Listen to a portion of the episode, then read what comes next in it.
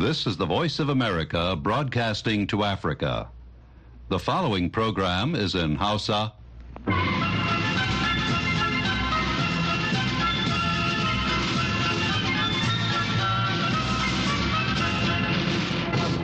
Sashen Hausa na murya Amurka ke magana daga nan birnin Washington DC.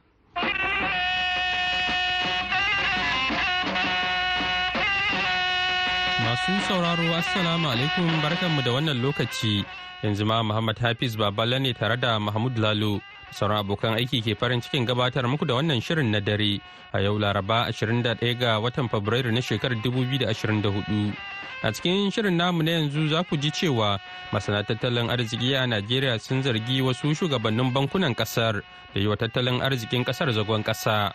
Sannan za ku ji rahoto kan yadda wasu 'yan Nijar suke ci gaba da kokawa kan matsalar tsadar rayuwa sakamakon rufe kan iyakar ƙasar da Najeriya.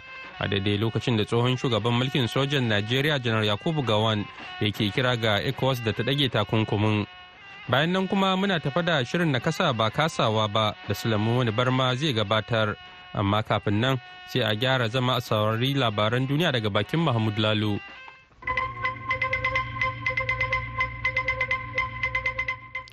jama'a assalamu alaikum. Tsohon shugaban mulkin soja a najeriya janar yakubu gawani ya yi kira ga ƙungiyar raya tattalin arzikin ƙasashen yammacin afirka ta ecowas da ta janye takunkumin da ta sassaka wa mali burkina faso da nijar cikin wata budaddiyar wasiƙa da ya rubuta wacce mika wa hedkwatar ƙungiyar da ke abuja a yau laraba. Gaban ya bayyana ƙasashen a matsayin waɗanda suke da mahimmanci a ƙungiyar inda har ila yau ya kira a gare su da su ma su janye matsayarsu ta ficewa daga ƙungiyar ta ecowas ko sai yawo saddens me to learn that ECOWAS is threatened with disunity. janar gauran wanda yana ɗaya daga cikin shugabannin ƙasashen afirka sha biyar da suka kafa ƙungiyar ta ecowas ke ne yake cewa abin yana bata min rai na ga cewa ƙungiyar na fuskantar barazanar rashin haɗin kai bayan da wasu muhimman ƙasashe uku da suka hada da mali burkina faso da nijar suka ayyana shirinsu na ficewa janar gauran ya kara da cewa I call on all West African leaders to immediately consider the ya ce ina kira da gaggawa ga daukacin shugabannin ƙasashen yammacin afirka da su duba waɗannan abubuwa da suka hada da na ɗaya janye takunkumin da aka saka wa burkina faso gini mali da niger. Ƙungiyar ta ecowas ta saka wa ƙasashen takunkumi ne bayan juyin mulkin da sojoji suka yi. A ƙarshen watan janairu da ya gabata mali burkina faso da niger suka sanar da shirinsu na ficewa daga ƙungiyar bayan da suka zarge ta da rashin bin muradin da aka fata aka yi da kuma nuna rashin wato da kuma nuna halin ko in kula kan matsalolin tsaro da ke addabar yankunan su james biden kani ga shugaban amurka joe biden ya faɗa wa masu bincike a majalisar dokokin amurka cewa shugaba biden bai taɓa sa hannu a harkokin kasuwancin ahalin gidansa ba. James biden ya bayyana hakan ne yayin da ya gurfana a gaban masu bincike a gina majalisar na capital a yau laraba danganawa kan binciken wanda 'yan majalisar wakilai ke jagoranta wanda har ila yau ke duba yiwuwar tsige shugaba biden. Ganawar james biden da 'yan majalisar shine yunkuri na baya-bayanan da ke nuna ƙoƙarin farfado da batun tsigewar yayin da suke ci gaba da tattaro bayanai kan hulɗar kasuwancin da ahalin biden suka yi a cikin gida da ƙasashen waje. Ko da yake a baya-bayan nan lamarin na fuskantar suka har daga wasu 'yan republican saboda rashin kwakwaran hujjoji ko kwararan hujjoji da za su nuna biden ya amfana da wasu harkokin kasuwancin ahalinsa. Dakarun isra'ila sun faɗa yau laraba cewa sun kai hare-haren sama arewaci da kudancin yankin gaza kwana guda bayan da amurka ta hau kujerar naki kan amincewa da wata matsaya da kwamitin tsaro na majalisar ɗinkin duniya ya cimma na neman a gaggauta dakatar da buɗe wuta a kuma ƙara yawan kayan agaji da ake kaiwa. Sojojin na isra'ila sun ce sun halaka dozin dozin ɗin mayaƙan hamas a hare-haren ciki har da wanda suka kai yankin khan yunis da ke wani yankin kudancin zirin gaza.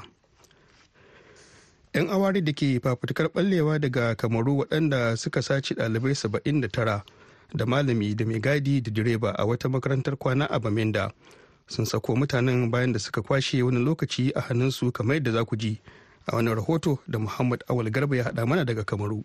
Na garzaya domin jin ta bakin shugaban rundunar jami'an tsaro na jihar arewa maso yammacin ƙasar ta jamhuriyar kamaru kanal yusuf kan yadda aka yi yan bindigan suka sako ɗaliban. Mata talatin da takwas ne maza saba'in arba'in da kisa da su huɗu. Na'am to yanzu haka suna cikin ƙoshin lafiya ko? Suna ƙoshin lafiya suna komai ana mun ba su abinci suna ci da an jima za mu kai su dokta a duba su ciki. Na'am to yanzu sojoji ta ko ina suna ta ci gaba da aiki su kenan domin kawo zama lafiya a nan kenan. A'a wannan sosai ne muna ci gaba kawo lafiya. Alhaji Mutari Baminda yana daga cikin masu faɗa aji a ɓangaren na 'yan awaren Ingilishin ƙasar. a yanzu dai ana bincike an saka likita su dan bincike yaran a gani lafiyansu kuma ana dan yi musu dan interview dan tambayoyi a ji yadda aka riƙe su da sauransu. Saboda a tabbatar da cewa sun fito a cikin koshin lafiya ko ba ka ba. Amma tun da yaran na magana sun zo kuma gabaki ɗaya ba mara lafiya cikin su sai mu ce sun zo dai da lafiyarsu. Mu dai muna farin ciki an sako yaran kuma muna kiran ita gwamnati ta daɗa ƙara tsaro a kusa da makarantu da sauransu. Na ci nasarar tattaunawa da ɗaya daga cikin wata ɗaliba wanda aka yi awun gaba da su ɗin. Kwashe mu sun je sun tara mu a wani babban ɗaki hakan nan amma kuma ba su mana komai ba gaskiya. A sun ba ku kulawa sun ba ku abinci da ruwan sha? Eh sun ba mu abinci sun ba mu ruwan sha sun ba mu kulawa kan cikakkiya ba su mana komai ba ba su da mu ba ba su mana komai ba. Da kuka da suka sako kun nan a gwamnati ta ba ku wani kulawa ta wajen lafiyan ku? Eh da suka sako mu gwamnati ta ba da kulawa domin ta turo mana da likitoci sun zo sun dudduba lafiyan mu ba komai. To ya su manyan gwamnati na wannan ɓangaren sun zo domin su su yi muku lale marhaba da fitowanku daga cikin wannan matsala?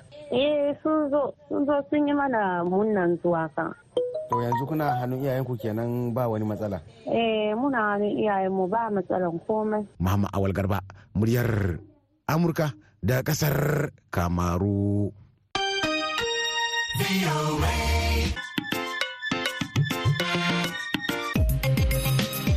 Labaran duniya aka saurara daga nan sashen Hausa na murya Amurka a birnin Washington DC. Yanzu kuma za mu buɗe taskar rahotanninmu daga Najeriya. Kusan sa'o'i 48 da hukumar EFCC mai yaƙi da masu wa tattalin arzikin ƙasa zagon ƙasa da ke ci gaba da kai samami a kan kasuwar 'yan canjin bayan fage da ke unguwar Zonfo na birnin tarayya Abuja. Masana tattalin arziki sun ce wannan ba shine mafita ba kuma 'yan canjin kasuwannin bayan fage ba su ke yi wa tattalin arzikin najeriya gagarumar illa ba illa inda suka zargi wasu shugabannin bankunan kasuwancin ƙasar daga abuja wakilin mahalima abdurraub na ɗauke da karin bayani.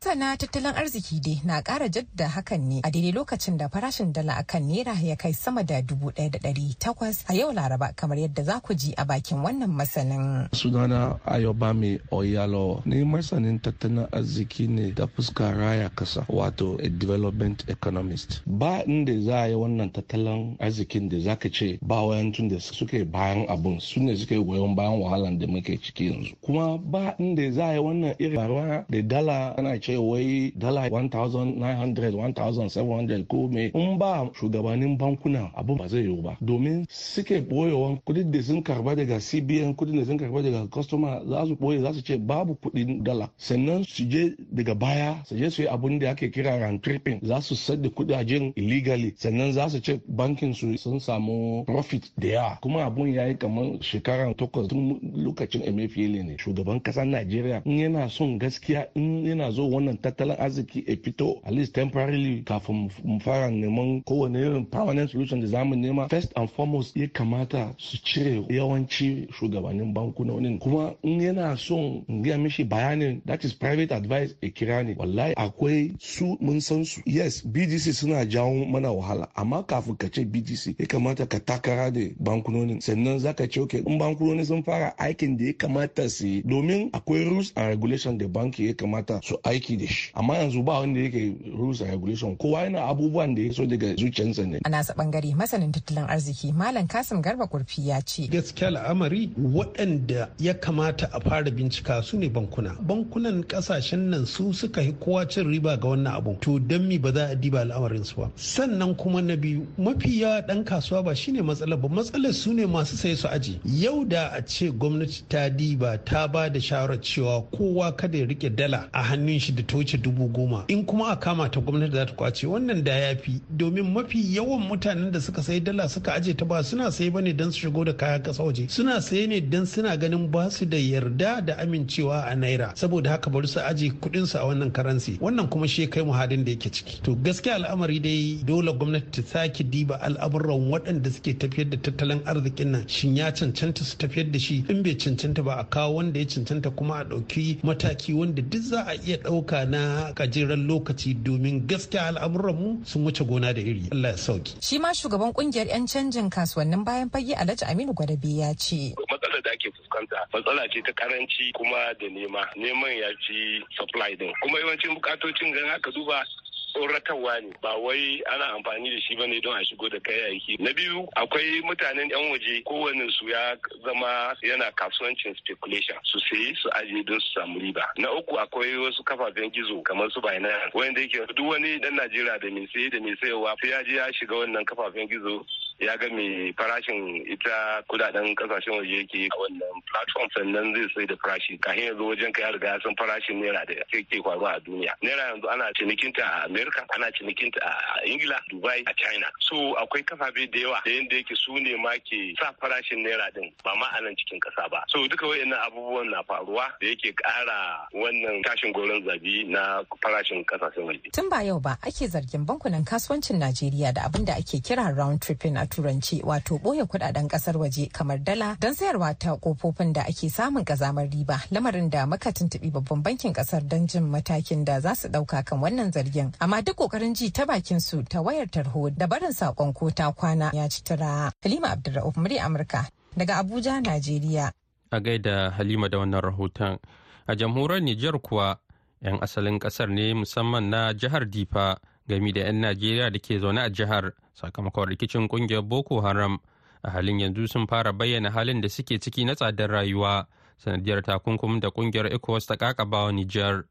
Wannan na zuwa ne a daidai lokacin da ake ganin wannan mataki na ecowas na ci gaba da shafar hudar da ke tsakanin iyakokin ƙasashen biyu. Daga difa ga rahoton da wakilin murya amurka haru sule rashidi ya aiko mana. A yanzu haka 'yan asalin jihar Difa ta jamhuriyar Nijar da ke makwabtaka da tarayyar Najeriya na ci gaba da bayyana halin da suke ciki na tsadar rayuwa sakamakon hauhawar kayan masarufin da ya tashin gwagwan zabi da kuma ke neman gagarar masu ƙaramin ƙarfi. To sai dai hakan na zuwa ne a daidai lokacin da mambobin ƙasashen na ECOWAS suka ɗauki wani mataki na rufe iyakokinsu da ma katse hulɗar dangantakar da ke tsakaninsu da jamhuriyar Nijar biyu bayan jin mulkin ranar 26 ga watan Julin shekarar da ta gabata. Alhaji Alaye Bakulu shine shugaban 'yan kasuwar jihar ta Difa ya bayyana jerin walhalun da takunkumin CDAO ko ECOWAS ya haifar musu wajen fitar da abinci da ma shigar da shi a cikin waɗannan ƙasashe na ECOWAS yana mai cewa. Yau ƙasar mu Nijar ta tsinci kanta cikin wani hali sabila haka takunkumi na CDAO ya sa ba mu samu mu fita namu kaya Najeriya. Nasu ma ba su shigowa yadda ya kamata sabila haka kaya yana shiga ta wata hanya guda ɗaya ita ce hanyar Togo. Ta nan mu take samun shigowa da kaya. Sai hanyar alje nan ma muna samun kaya daidai bakin gwargwado.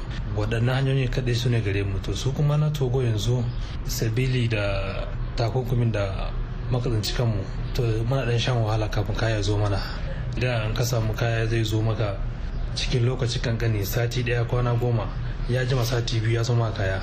Yau fiye da wata kake jiran kayan kayoyi kafin ya zo gare ka. Shugabanni ya kamata su dubi 'yan kasa da idon rahama su nemo hanyar da ya dace wanda za a kama 'yan kasa sauƙi. To koya 'yan asalin jihar ta Difa suka ji game da wannan mataki na raɗin tsadar rayuwar da suke fama da shi? Tambayar kenan da newa waɗansu daga cikin mazauna jihar ta Difa suna masu cewa. Jani ɗan lima a Difa. Wallahi tsadar rayuwa sai godiya. Cefanen wata sai in kashe jika goma sha biyar a yanzu zan iya kashe ishirin da biyar ga su ma Najeriya abubuwan sun mahi mu ƙalubale tun daga su nan gudu suke suna shigowa. Ni ce Hauwa. Yau ga dai yau an shiga matsaloli diya ga ya ba kuɗi ga yunwa garin kwaki ma yanzu tiya shi ta koma dubu biyu ba naira ɗari. Muna roƙon allah kamin nan kan azumi ya kama allah ka muna sauƙin wannan abu. Daga bisani masana harkokin tattalin arziki a ƙasar ta nijar na ganin takunkumin da ƙungiyar ecos ta gagaba jamhuriyar nijar ya haddasa koma baya sosai ta fannin kumatsar tattalin arzikin da ke tsakanin nijar da ma ƙasashen na ecowas. Hassan bello shine shugaban ƙungiyar rotab a jihar ta difa ya yi ƙarin bayani a zantawarsu da muryar amurka. Dangance da takunkumi da ƙasashen ecowas suka sama niger biyo bayan juyin mulki da aka yi ya haddasa koma bayan tattalin arziki ƙasar niger sosai ma ba kaɗan ba. Kuma wannan ba ƙasar niger kin kaɗai ba har da ma musamman ƙasar benin da nigeria tunda su ne ƙasashen da niger take hulɗa da su musamman ma ta fannin tattalin arziki da fannin kasuwanci. Hukumomin sai da yawa ya kamata su zo su zamna su tattauna da hukumomin soja na Nijar yadda za a daga takunkumi da talakoki na ƙasashen nan gaba za su ji daɗi. To sai dai a halin yanzu al'ummar jihar ta Difa gami da na tarayyar Najeriya da ke makwabtaka da juna. Na ci gaba da yin kira ga hukumomin Nijar da na ECOWAS akan ya kamata su yi mai yiwuwa game da batun cire takunkumin da aka kakaba jamhuriyar Nijar duba da yanayi na tsadar rayuwa da al'ummar kan iyakokin biyu ke fama da shi sakamakon hauhawar kayan masarufi da hakan ya sa masana harkokin tattalin arziki a ƙasar ta Nijar ke kallon wannan mataki ya haddasa durkushewar tattalin arzikin da ke tsakanin Nijar da ma sauran ƙasashen mambobin na ECOWAS. Harusul Rashidu muryar Amurka daga Difa a jamhuriyar Nijar. A gaida Harusul Rashidu. Kafin mu je ga shirinmu na gaba ku dan shakata da wannan fefe da ke bisa na'ura.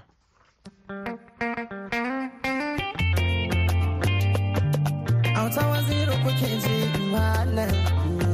ku zo ku autar mata kar ku taba mini yar gata ku bar ni kawai na yi mata rawa babu irin cikin mata.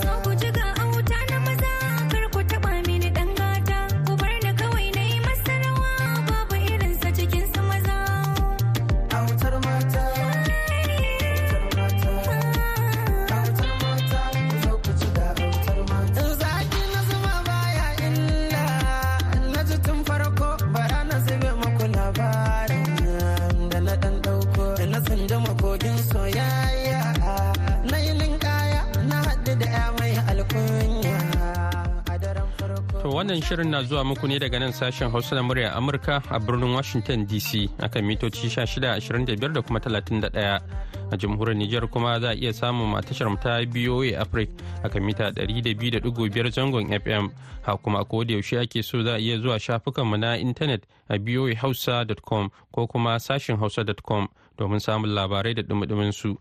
Yanzu kuma ga shirinmu na gaba. Nakasa. Nakasa. Nakasa. Ba kasawa ba.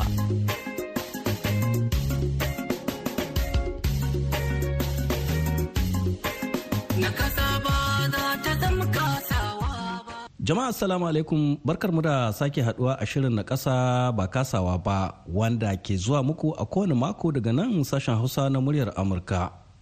Shirin na yau zai karkata ka cokam ga harkokin na kasassu a Najeriya. Sunana Sule Muni Barma. a jihar kaduna ƙungiyoyin kare hakkin mutanen da allah ya jarabce su da tawaya na ci gaba da ayyukan faɗakarwa domin ganar da al'umma mahimman abubuwan da dokar kare hakkin masu buƙata ta musamman ta tanadi a najeriya yancin yara na kasassu domin samun ilimi da abubuwan da ya kamata a tanada don ganin sun kasance cikin kyaukyawan yanayi a wuraren karatu. Na daga cikin abubuwan da shirin na wannan mako zai mai da hankali kansu. Ga ci gaban tantaunawar wakilin sashen hausa isa lawal ikara da shugaban gamayyar ƙungiyoyin nakasassun jihar kaduna suleiman abdulaziz. Yanayi mai kyau ya kasance ajin da ɗaliban za su zauna akwai abin nan matattakala ta masu kafa ce to ya zama akwai ta wanda masu buƙata na musamman. wanda gangara. A jikin ma wajen gangaran a ɗan yi wani mariki yanda koda makaho ne ya zo zai shafa ya riƙe wannan ya nuna mai yadda zai je sannan irin masu gani garara garara nan ya kasance akwai alamomi da za su nuna musu yadda za su je kamar su zabiya da su waye. Sannan kuma ya kasance zaman ma ajin ma ya canja.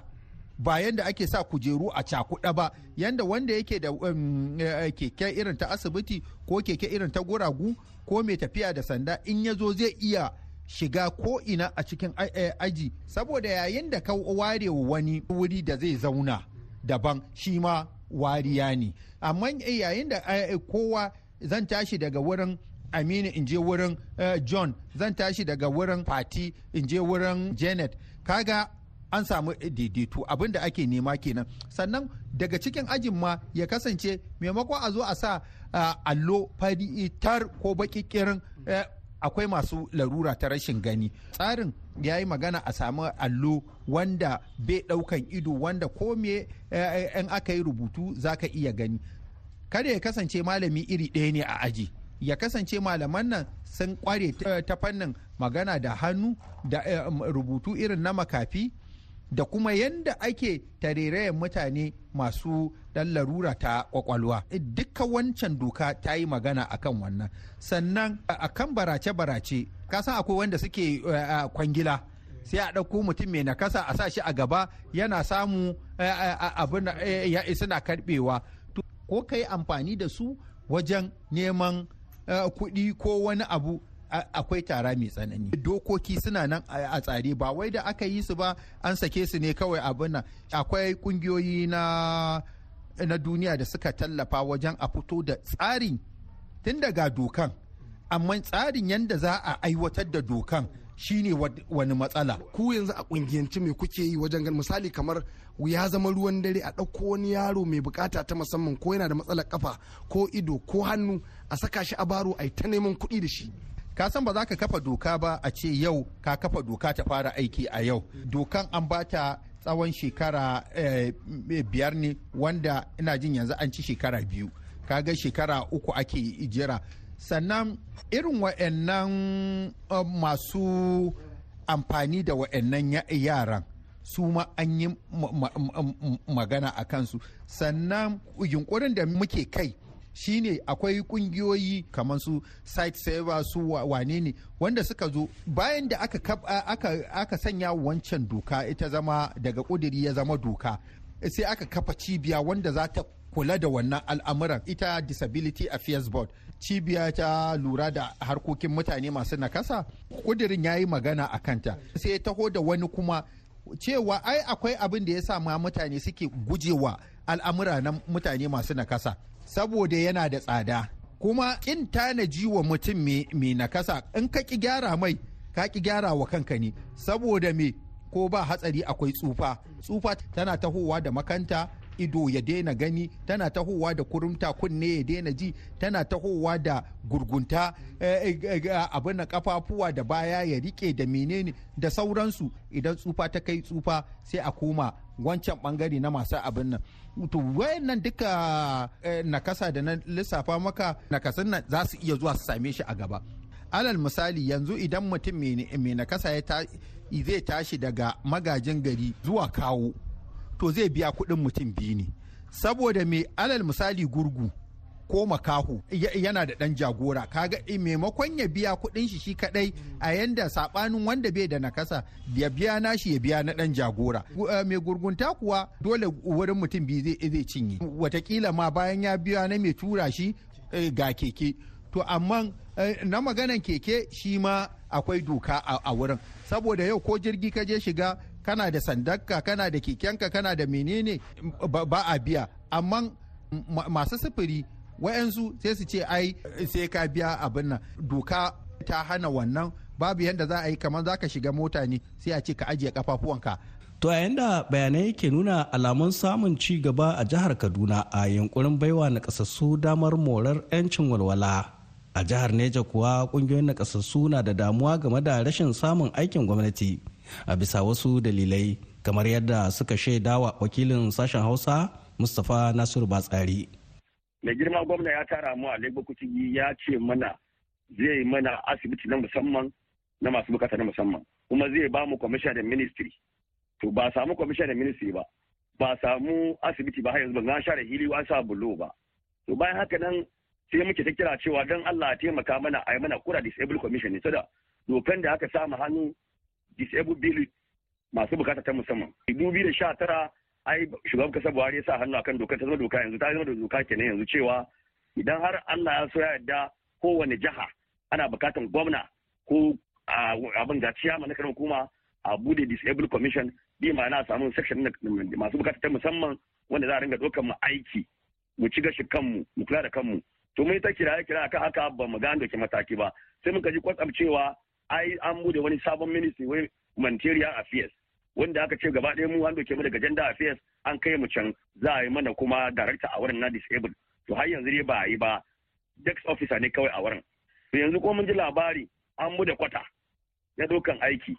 Muna kira ga mai girma gwamna da duk wani babba da ke jihar Neja a wa Allah a kula da mu a tosaya mana da makahu da gurgu da kurma da kutu da zabaya duk wanda ke takarda na sakandare abin da ba sai ma mutum na digiri ko diploma ko NCE ba. Daga bakin sakandare gaba ɗaya a ɗauke mu aiki. Idan mutum shekara biyar bai kawo result din NCE ko digiri ba a ƙwace ofa a hannunsa. Don barin da muke tashi mu bara tashi mu ba mu san bara amma tunda tunda yanzu an buɗe portal na ɗaukar aiki me zai hana ku je ku ku nema ku apply ko za ku samu? Abin da ke faruwa portal din ma gaba ɗaya babu provision na disable.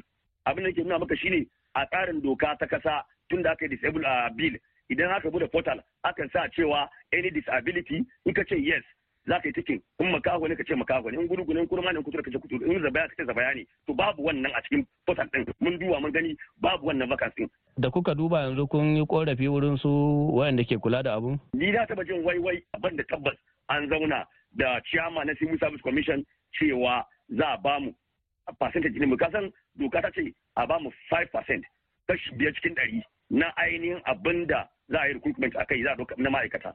To muna kira dan Allah a doke mu wannan ba mu percentage din namu. Don gaba ɗayan ma masu takardar makarantar ma ba za mu kai 5% ba ko da za a doke mu gaba ɗaya. Masu da buƙata na musamman. Kwanakin ba mun je ganin SSD da deputy governor. Yana nan fa amma wallahi ba mu samu ganin dole sai mu ta takarda ta kwata visit. Kafin a yi zaɓen ne muke ganin su. Amma in aka yi zaɓe ba ma ganin su. To wakilin na sashen Hausa ya bayyana mana cewa yana ta ƙoƙarin ji daga bakin wani jami'in gwamnatin jihar Neja a game da wannan korafi. Idan haƙa ta cimma ruwa za a ji martanin hukumomi a ci gaba da bin diddigin wannan lamari. masauraro nan za mu dakatar da wannan shiri a yau sai a makon gobe za mu zo da wani sabon shirin idan Allah ya so.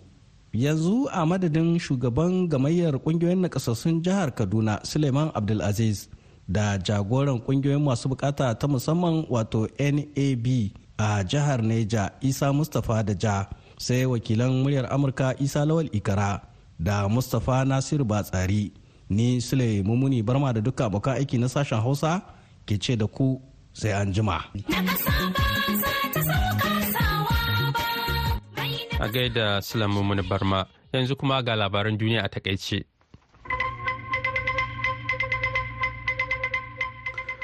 To tsohon shugaban mulkin soja a Najeriya, General Yakubu Gawan ya yi kira ga ƙungiyar raya tattalin arzikin ƙasashen yammacin Afirka ta ECOWAS da ta janye takunkumin da ta saka wa Mali, Burkina Faso da Nijar. Cikin wata budaddiyar wasiƙa da ya rubuta wacce mika wa hedkwatar ƙungiyar da ke Abuja a yau Laraba. Gaban ya bayyana ƙasashen a matsayin waɗanda suke da mahimmanci a ƙungiyar inda har ila yau ya yi kira a gare su da su masu janye matsayarsu ta ficewa daga ƙungiyar ta ecowas ko kuma sai dai yawo. Kungiyar ta ecowas ta saka wa ƙasashen takunkumi ne bayan juyin mulki da sojoji suka yi a ƙarshen watan janairu da ya gabata mali burkina faso da niger suka sanar da shirinsu na ficewa daga ƙungiyar bayan da suka zarge ta da rashin bin muradin da aka kafa ta a kai. Da kuma nuna halin ko in kula kan matsalolin tsaro da ke addabar yankunan su james biden kani ga shugaban amurka joe biden ya faɗa wa masu bincike a majalisar dokokin amurka cewa shugaba biden bai taɓa sa hannu a harkokin kasuwancin ahalin gidansa ba. James biden ya bayyana hakan ne a yayin da ya gurfana a gaban masu bincike a gidan majalisar na capitol a yau laraba don ganawa kan binciken wanda 'yan majalisar wakilai ke jagoranta wanda har ila yau ke duba yiwuwar tsige shugaba biden. Ganawar james biden da 'yan majalisar shine yunkuri na baya-bayanan da ke nuna ƙoƙarin farfado da batun tsigewar yayin da suke ci gaba da tattaro bayanai kan hulɗar kasuwancin da ahalin biden suka yi a cikin gida da ƙasashen waje. Dakarun isra'ila sun faɗa a yau laraba cewa sun kai hare-hare a ta sama a arewaci da kudancin yankin gaza. Kwana guda bayan da amurka ta hau kujerar naki kan amincewa da wata matsaya da kwamitin tsaro na majalisar ɗinkin duniya ya cimma na neman a gaggauta dakatar da buɗe wuta a kuma ƙara yawan kayan agaji da ake kaiwa yankin na gaza da kuma dakatar da tilastawa falastinawa ficewa daga inda suke samun mafaka sojojin na isra'ila sun ce sun halaka dozin dozin ɗin mayaƙan hamas a hare-haren ciki hadda wanda suka kai yankin kan yunus Masu sauraro a nan muka kawo ƙarshen shirin namu na yau sai kuma goben Allah ya kai mu za ku ji wasu abokan aikinmu ɗauke da wani sabon shirin. Yanzu a madadin Mahmud Lalo da ya karanto labarai da kuma Jule Leathers Gresham da ta ba da umarni da ma injiniyar mu ta yanzu Sa'ida Hamdun. Ni Muhammad Hafiz Baballe ke cewa ku kwana lafiya. Ma'assalam.